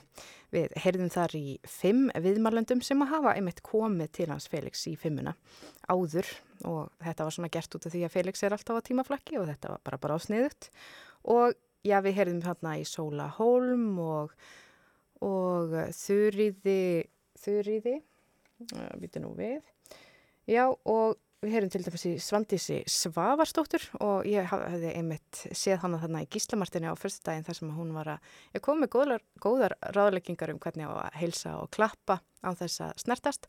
Og þar sagði hún einni sem að ég er svo sammála að svona tímar, svona breytinga tímar, óvissu tímar, já þeir leiða líka af sér ágættar breytingar, góða breytingar út af við þurfum að takast á við hluti í saminningu og þá já, kemur í ljós hvernig samstaða er og hvernig maður getur staðið saman. Og það er gott að minna sig á svoleiði sluti nú þegar að brestur á í kvöld á miðnætti þesta samkomu bann. En uh, hérna á eftir þá ætlum við að ringja til Ísafjörðar, þar er hann Haugur Sigursson og við ætlum bara svona að ræða við hann um daginn og veginn, það er nú margt að gerast á Ísafjörði, já, er alltaf margt að gerast svona þegar það er venjulegt þar, uh, það er til dæmis aldrei fór ég söður alltaf um páskana og svo er það þetta skíðahelgin eða skíðavikan uh, sem er þar alltaf haldinn og já, það verður nú aldrei sem er breyttu sniði þetta ár en við ætlum að þess að já, tala um þetta við hann haug á Ísafjörði og bara svona heyra stemminguna. En við skulum núna færa okkur yfir í næsta lag og það er sjálfur Robbie Williams hérna með lægið Come Undone.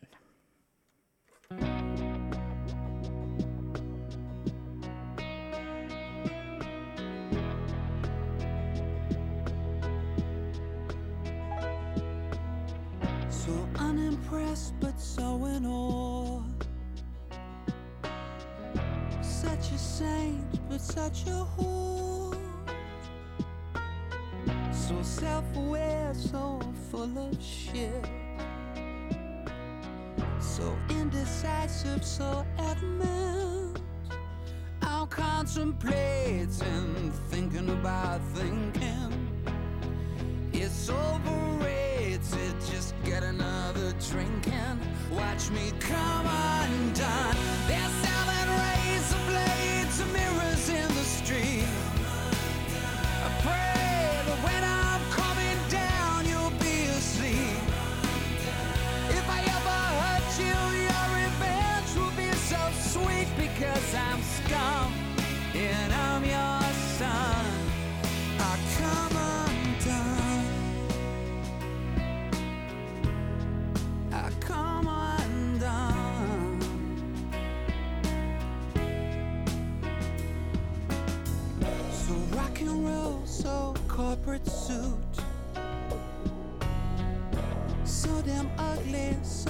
So.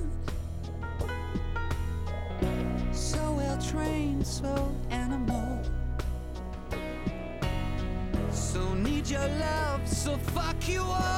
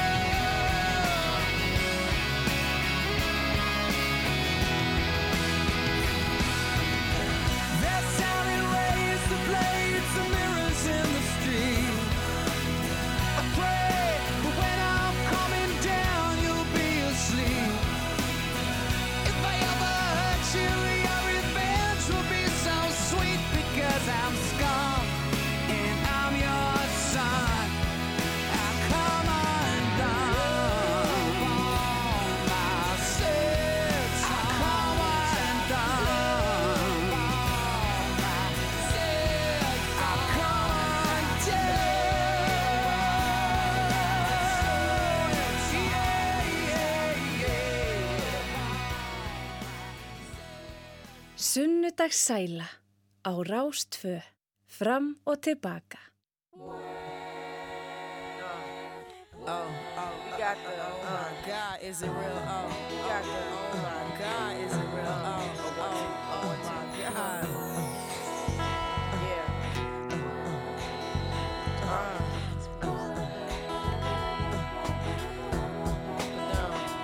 You're just too good to be true Take my eyes off of you. Baby. You be like heaven to touch. I wanna hold you so much. At long last, love has arrived. And I thank God I'm alive. You're just too good to be true. Can't take my eyes off of you. Pardon the way that I stare. There's nothing else to compare. The sight of you leaves me weak. There are no words left to speak. But if you feel like I feel, please let me know that it's real. You're just so good to be true. Can't take my eyes off you.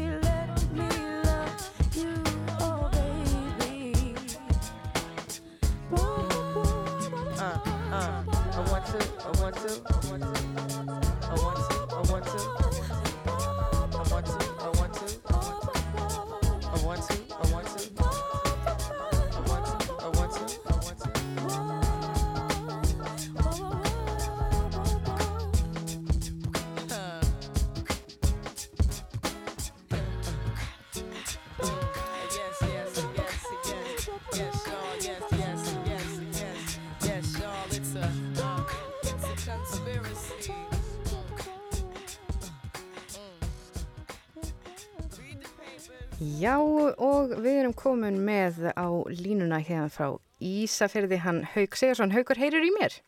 Já, góðan dag, já, ég heyri þér. Góðan daginn. Já, hvað, hvernig er eh, bara veðrið? Við byrjum á því. Hvernig er veðrið á Ísafyrði? Já, það er nú bara svona hálfgjört heimsenda veður eins og búið að vera síðan um jól. Heims enda veður? Nei, nei, það er svona bílur bara, Já. Hressandi. En þú, ég talaði mitt við í gær og þá var svo indislegt veður.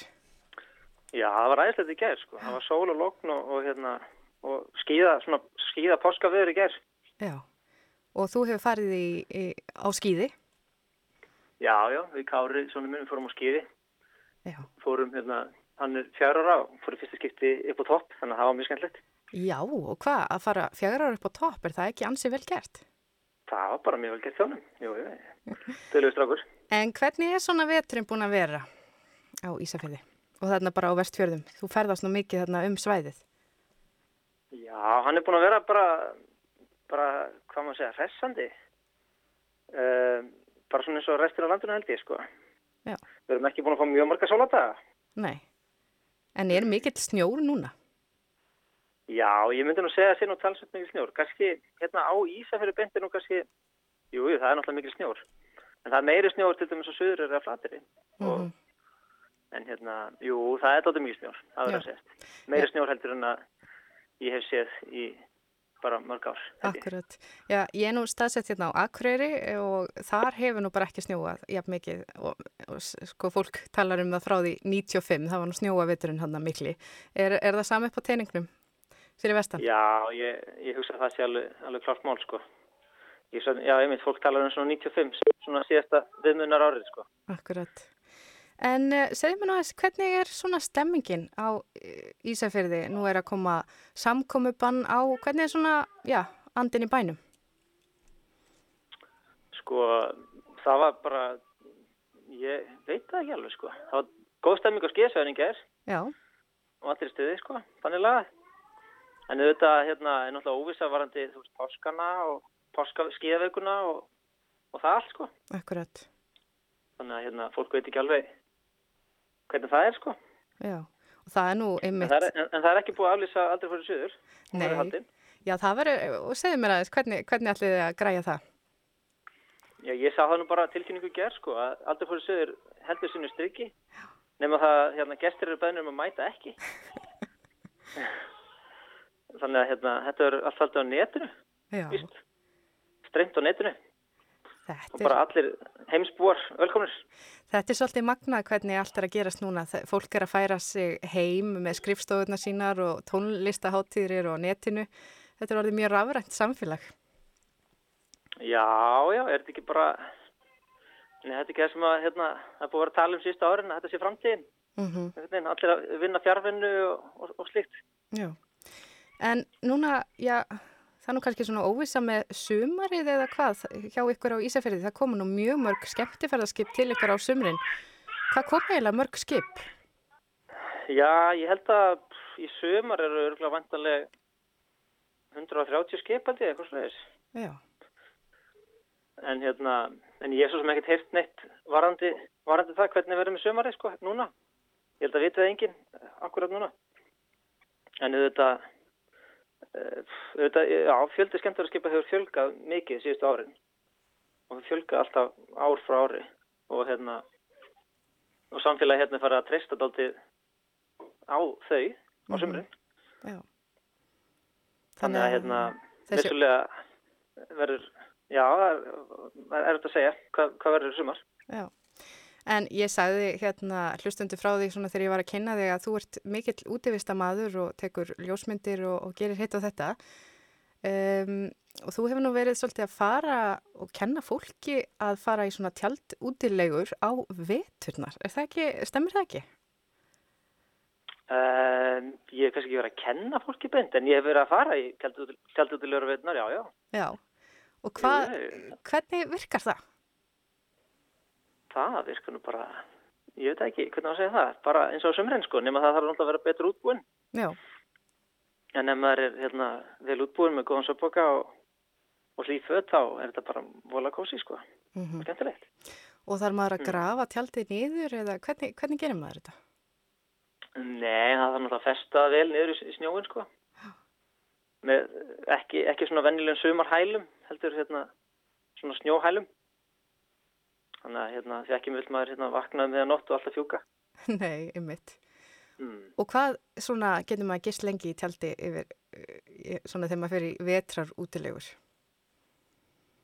Sko, það er náttúrulega ekki að gista bara eins lengi maður vill sko. Mhm. uh, yfirleitt fyrir, ég er nú kannski ekki nema kannski tvær frá nætur, ein, eina til þrjár kannski. Já. En hérna, en svo náttúrulega bjó ég í tjaldi yfir eitt vetur en yfir eitt ár en það er kannski annur önnur sá. Já, seg, nei, þú verður að segja eitthvað frá því. Þú bjóst í tjaldi heilan vetur. Hvað? Nei, það var náttúrulega kannski ekki beint tjald, það var svona jurta, svona mongolsk jurta. Já, já. En hérna, en það vorum við með hérna þægindi. Kaminu og svona, til að halda okkur heita. Já, þið voru með kaminu. En, en hvað með önnur svona, já, þægindi sem maður, uh, sem að maður er vanir úr nútíma heimilum? Nú er, nú er ég að spyrja bara um hvernig var klósett? Nei, um, já, kaminan er kannski einu svona nútíma, nútíma þægindin, sko, sem að ég, nei, nei, við vorum ekki með klósett og ekki rafmagn. Og enga styrtu eða? Nei, nei, nei, nei, við vorum nú stutt, stutt, stutt frá, hérna, þingeri. Já, já, já. Þannig að, hérna, við fórum oft yfir á þingeri í, í, í sund og svona. Og voruð þið þá komin með strákan ykkar? Voruð þið með börn þannig í tjaldinu eða? Nei, það var, hérna, aðra vegnuspöld sem betur fyrr. Það, hérna, það, ég held að það hefði ekki gengið, sko. Nei. En, það var verið erfitt. En Haugur, þú hérna, þú ert nú, mm, ég hef séð á, á Facebook, þú heldur út í síðu um hús sem að þú ert að gera upp á Ísafjörði, gamalt fjölskyldu hús, Alberts hús. Er það ekki rétt? Já, jú, það er rétt þér. Og segð mér að, hvernig, hvernig komst þetta hús til þín? Já, sko, Alberts hús, hérna, uh, byggt árið 1890 af hérna langa, langa, langa afa og langa, langa, langa ömmu minni. Þetta er mjög langt. Og, já, mjög langt, sko. Já. Og hérna, og hefur náttúrulega verið bara í fjölskyldunum minni síðan þá, sko. Já. Uh, það hefur aldrei, hérna, flakkanitt utan. Og hérna, langa, langa var mín, hún sem sagt fættist í þessu húsi 1908 og bjóði því til 2008 Vá, í, í 100 ár. í mitt.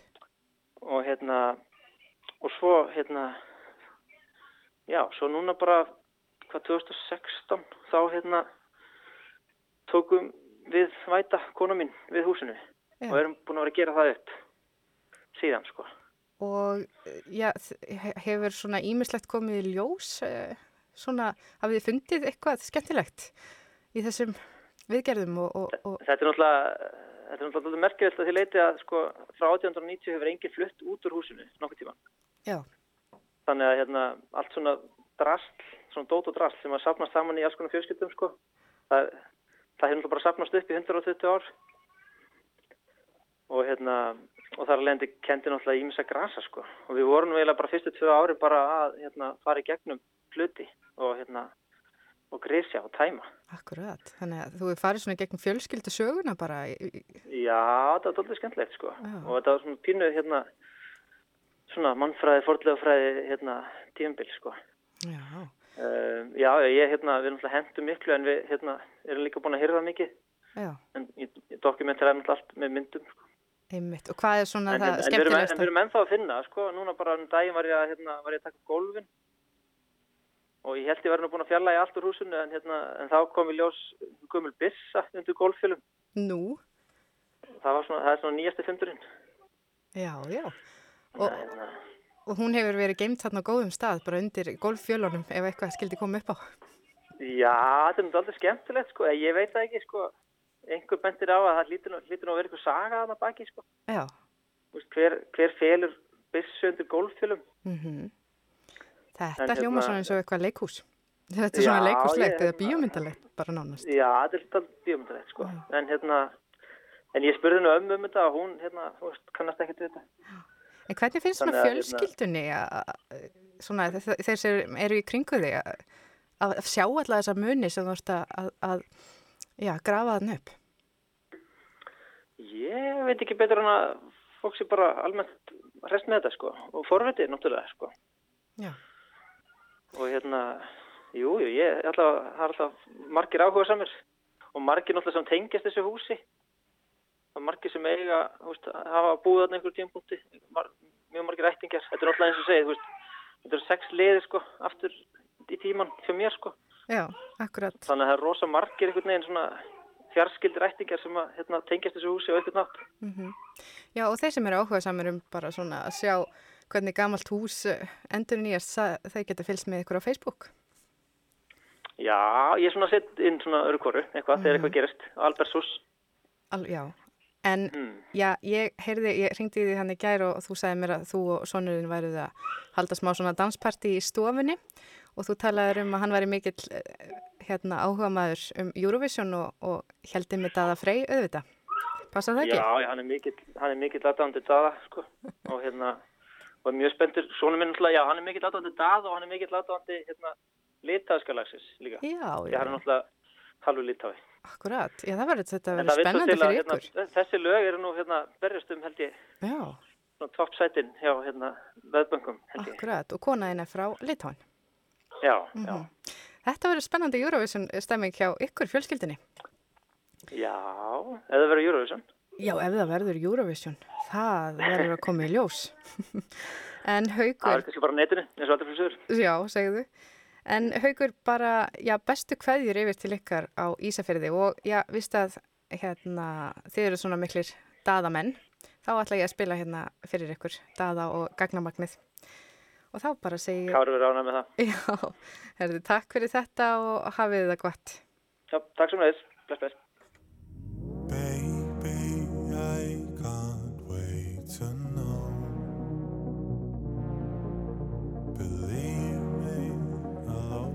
Always be there. So.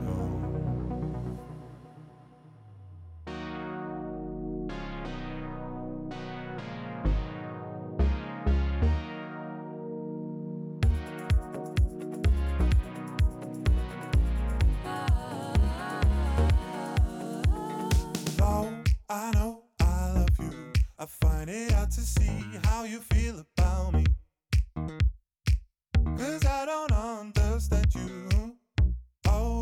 You to learn how to speak. When we first met, I will never forget. Cause even though I didn't know you yet,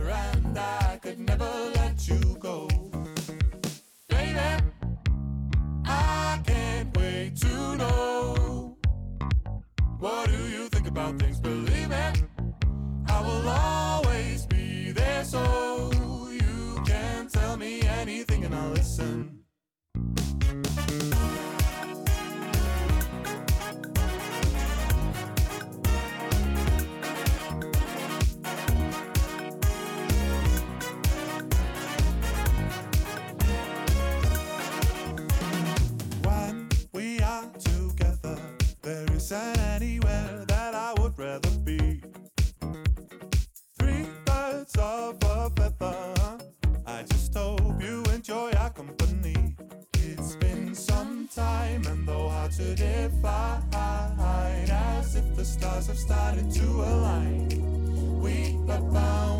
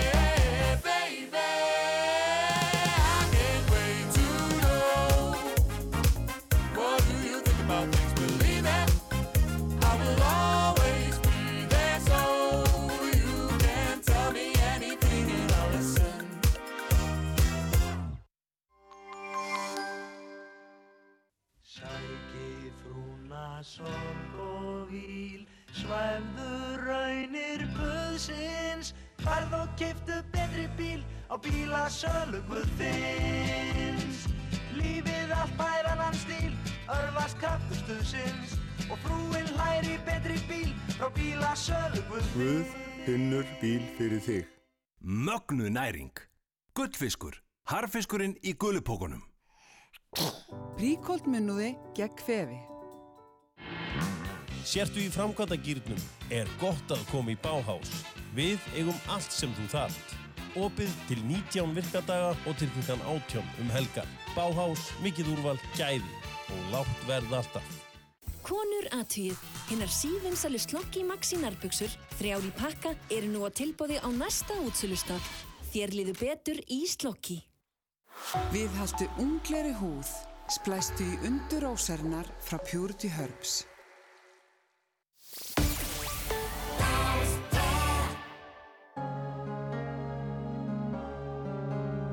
Sunnudagssæla á Rástfö, fram og tilbaka.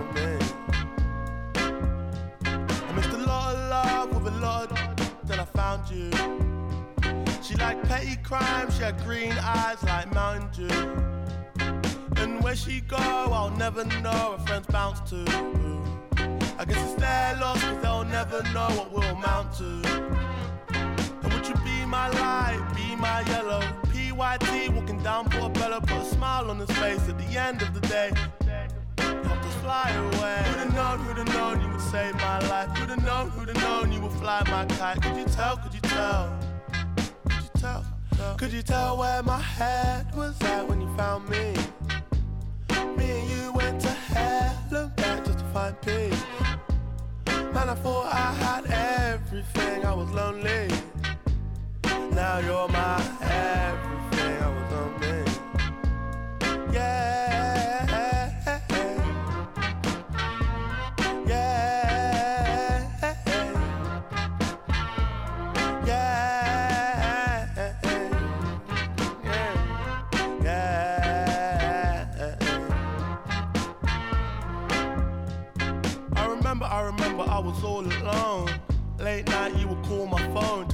I was blessed, cause you knew I was low. Head gone rolling off the throne. I remember, I remember we was in the park. Late night, made love on the grass, got my head in the clouds, counting all my stars. In my ear said the world was ours. But to hell and back just to heal my wounds, cause it gets like that. Wrong side of the moon, no tune car moon, you're my Cleopatra. No side thing, don't need a backer. Need a real one, don't need an actor. A lost one's fake, think you want a BAFTA. Uh, come and be my girl. Yeah. Could you tell where my head was at when you found me? Me and you went to back just to find peace. Man, I thought I had everything, I was lonely. Now you're my everything,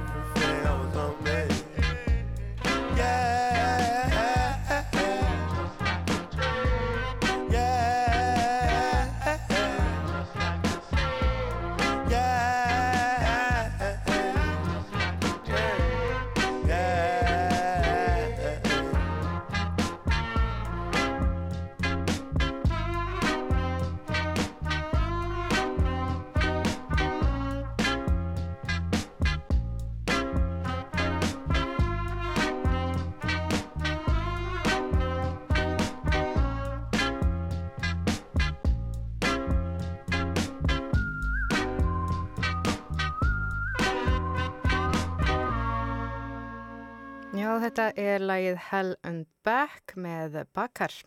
En uh, við erum hérna komin í setni helmingin á fram og tilbaka hér á Rás 2 og við ætlum bara svona í restina að spila notalega tónlist og, og hafa það notalegt þanga til að Jón Ólafsson tekur hérna við eftir tíu fréttinnar. Og við ætlum að heyra næst í henni Bríet með lagið Esjan.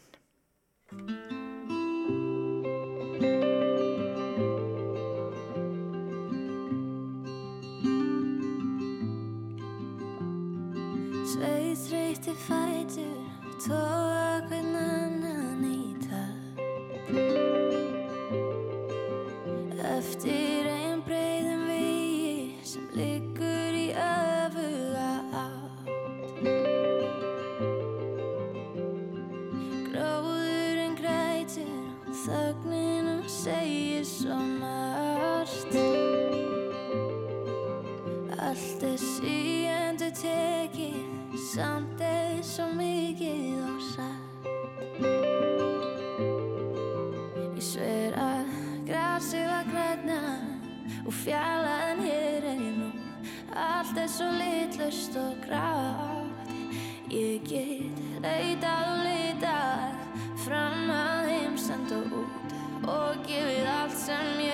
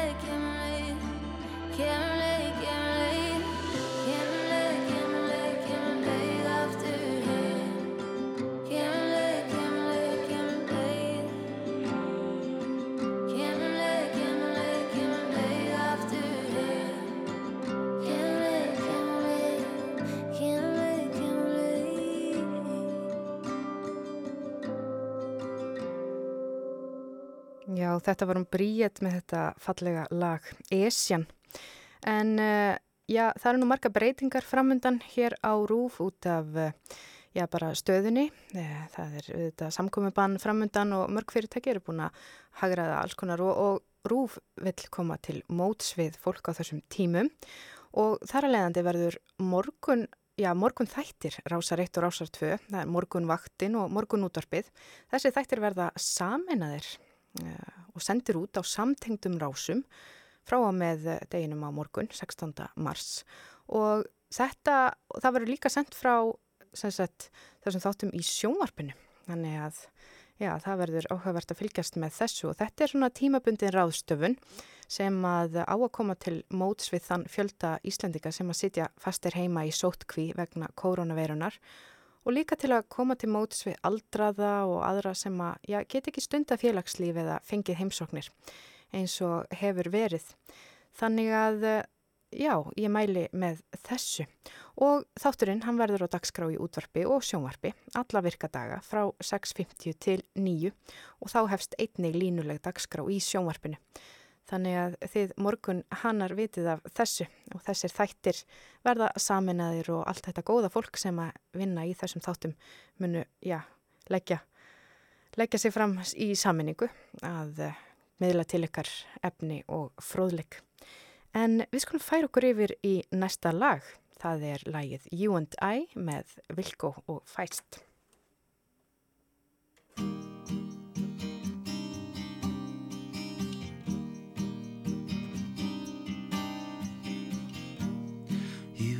and I.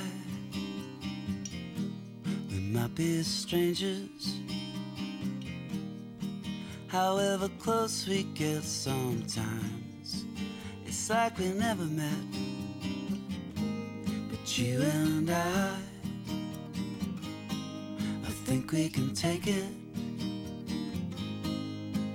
All the good with the bad Make something that no one else has but you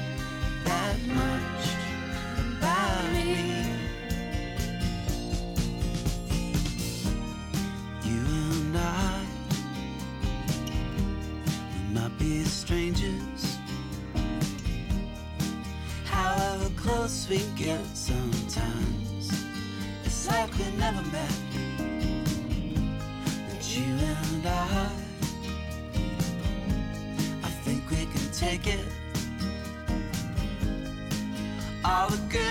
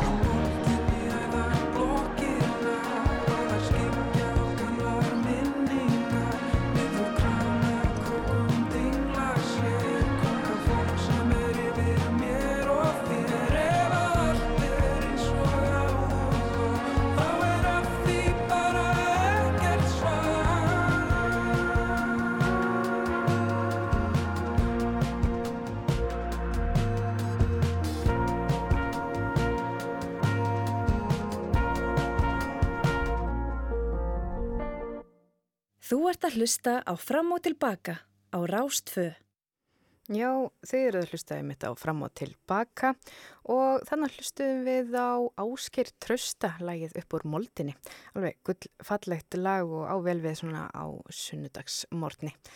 En eh, ég er hérna aðeins að já, kíkja á e, netið og eh, ég fann hér svona leiðbenningar sem að Rauðikrossin hefur gefið út og, og þetta er til dæmis aðgengilegt á Facebook, það hefur verið að dreifa þessu þar og þetta er sannsagt bjargráð á streitu valdandi tímum. Ég veit að margi finna fyrir streitu núna þegar að svona mikil óvisa og já, það er hægt að fara inn á eins og til dæmis Rauðakrossin og sjá þar þessi ráð. Það er til dæmis mælt með að, um, að ringja í fjölskyldu og vini, byggja um hjálp vera óhrætt við það, stunda heilbriðan lífstíl og rútínu og reyfa sig, borða holt og það sem ég finnst eiginlega best forðast að taka marka á falsfréttum, leita sér upplýsinga á viðukendum síðum, til dæmis landlæknis og almannavarna og reyna að draga úr áhugjum með því kannski að lesa bara ekkert of mikið um þennan faraldur. Heldur vera bara í svona núinu og, hugsa vel um sig og, og finna kraftin svona innanfrá. En þetta er auðvitað erfitt og það er eðlilegt að finna fyrir kvíða en við stöndum öll saman. En við skulum heyra annað lag, hérna kemur, já það eru bítlanir með Norwegian Wood.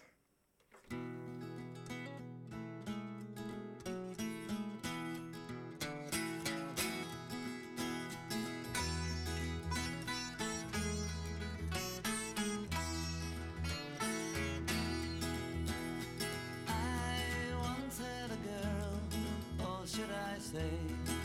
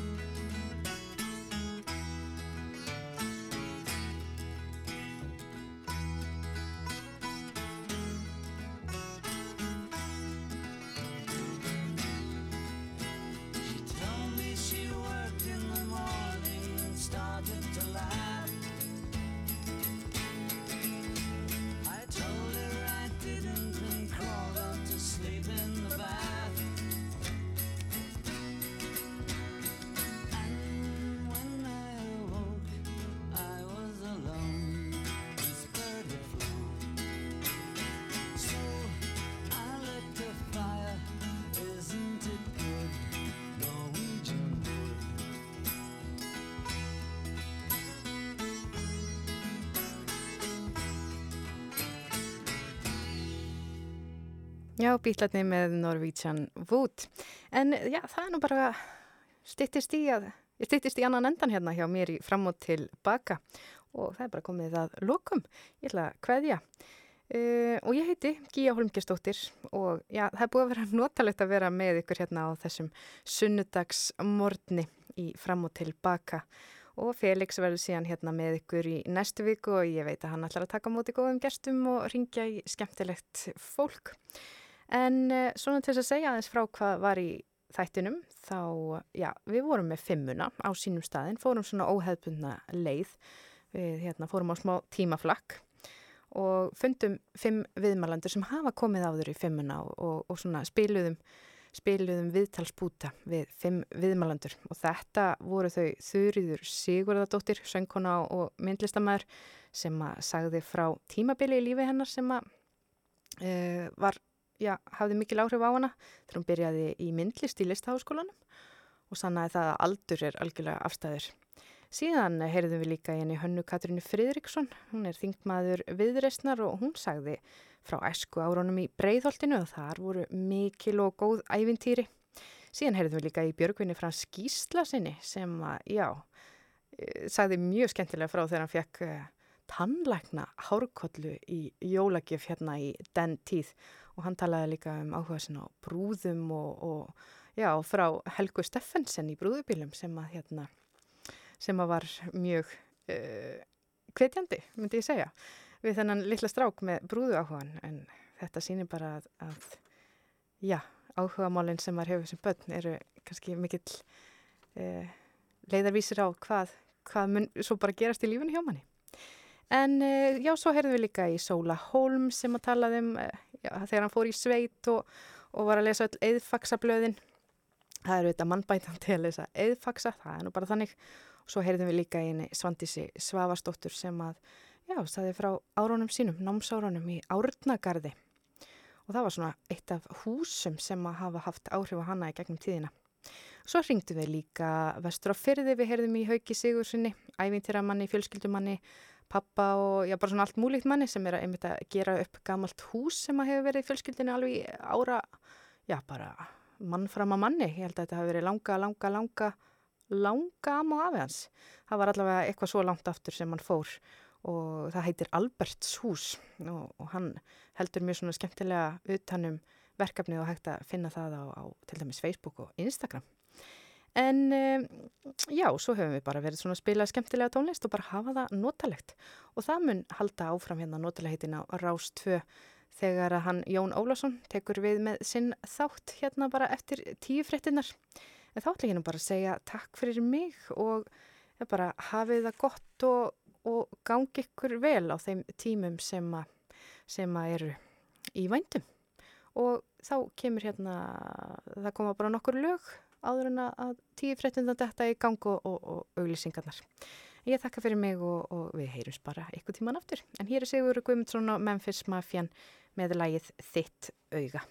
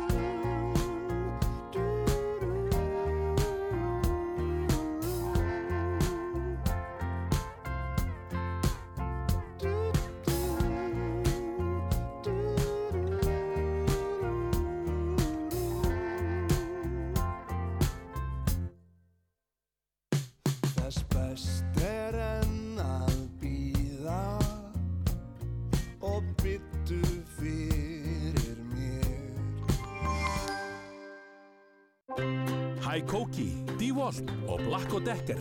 Framkvæmda gleði í húsasmíðinni. Nu har vi dejlige danske dærger i Harkøb. Dansk salami, smørbrød, rugbrød, snak, pølse, og så har vi tulle polakker på danske dærger i Harkøb. Harkøb. Mere dansk. Alla daga. 25% afsláttur af öllum gardinum. Rúmfattalagari, aðeins ódýrari. Hamborgarabúlla Tómasar. Að sofa vel skiptir máli Hamborgarabúlla Tómasar. Sendum frít um land allt joeboxer.is. Þú velur verslun og sækir eða færð senda á pennin.is. Okkar klassíski gratineraður blokkfiskur kaffi loki. Vinnuvélar afgeimar rafgeimasalan. Byggðist landnám Íslands á rostungsveiðum, velkomin á sérsýningu náttúruminjasapsins um rostungin í Perlunni. Þú velur verslun og sækir eða færð send á pennin.is. Sendum frítt um land allt, joeboxer.is.